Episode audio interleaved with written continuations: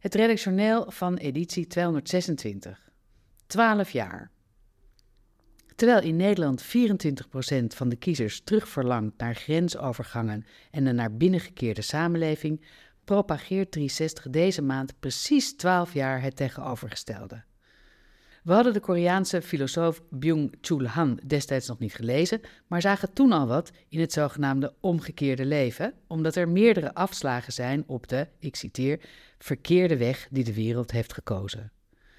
Verre van iedereen kan het zich veroorloven om, net als hij en wij, de versnellingspook in zijn achteruit te zetten. Zulk verzet is geen prioriteit in de rij voor de voedselbank en al helemaal niet als de bommen links en rechts inslaan en kinderen het leven verliezen in andermans oorlog. Maar dat zou niet hoeven te betekenen dat we complexe internationale oorzaken van het verkiezingsthema migratie in de campagnes ongenoemd laten. Ook voor het rechtsextremisme zijn binnenlandse oplossingen niet toereikend en is Europese, zelfs transatlantische samenwerking onontbeerlijk. Natuurlijk moet er eerst worden gewonnen om die winst in daadkracht om te zetten. Alleen kan het niet de bedoeling zijn dat dat doel nogal veel middelen heiligt en het streven naar de waarheid, een van de fundamenten van de rechtsstaat, in allerlei rabbit holes verdwijnt. Wat dat betreft zou een sensitivity reader in de politiek helemaal niet misstaan.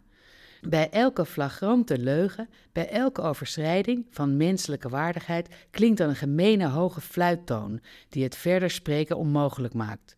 Werkt dat nog niet, dan krijgt de volksvertegenwoordiger bezoek van uh, de vrouw van Bosnië, die ruim 500 dagen over de rivier de Krušika waakte om te behouden wat waarachtig is. Anders weten de Chinese online feministen waarschijnlijk nog wel een manier om de strijd voor gelijkwaardigheid voor te zetten. Solidariteit is ook voor de Oekraïense First Lady Olena Zelenska het recept om ondanks de oorlog toch een leven te leiden.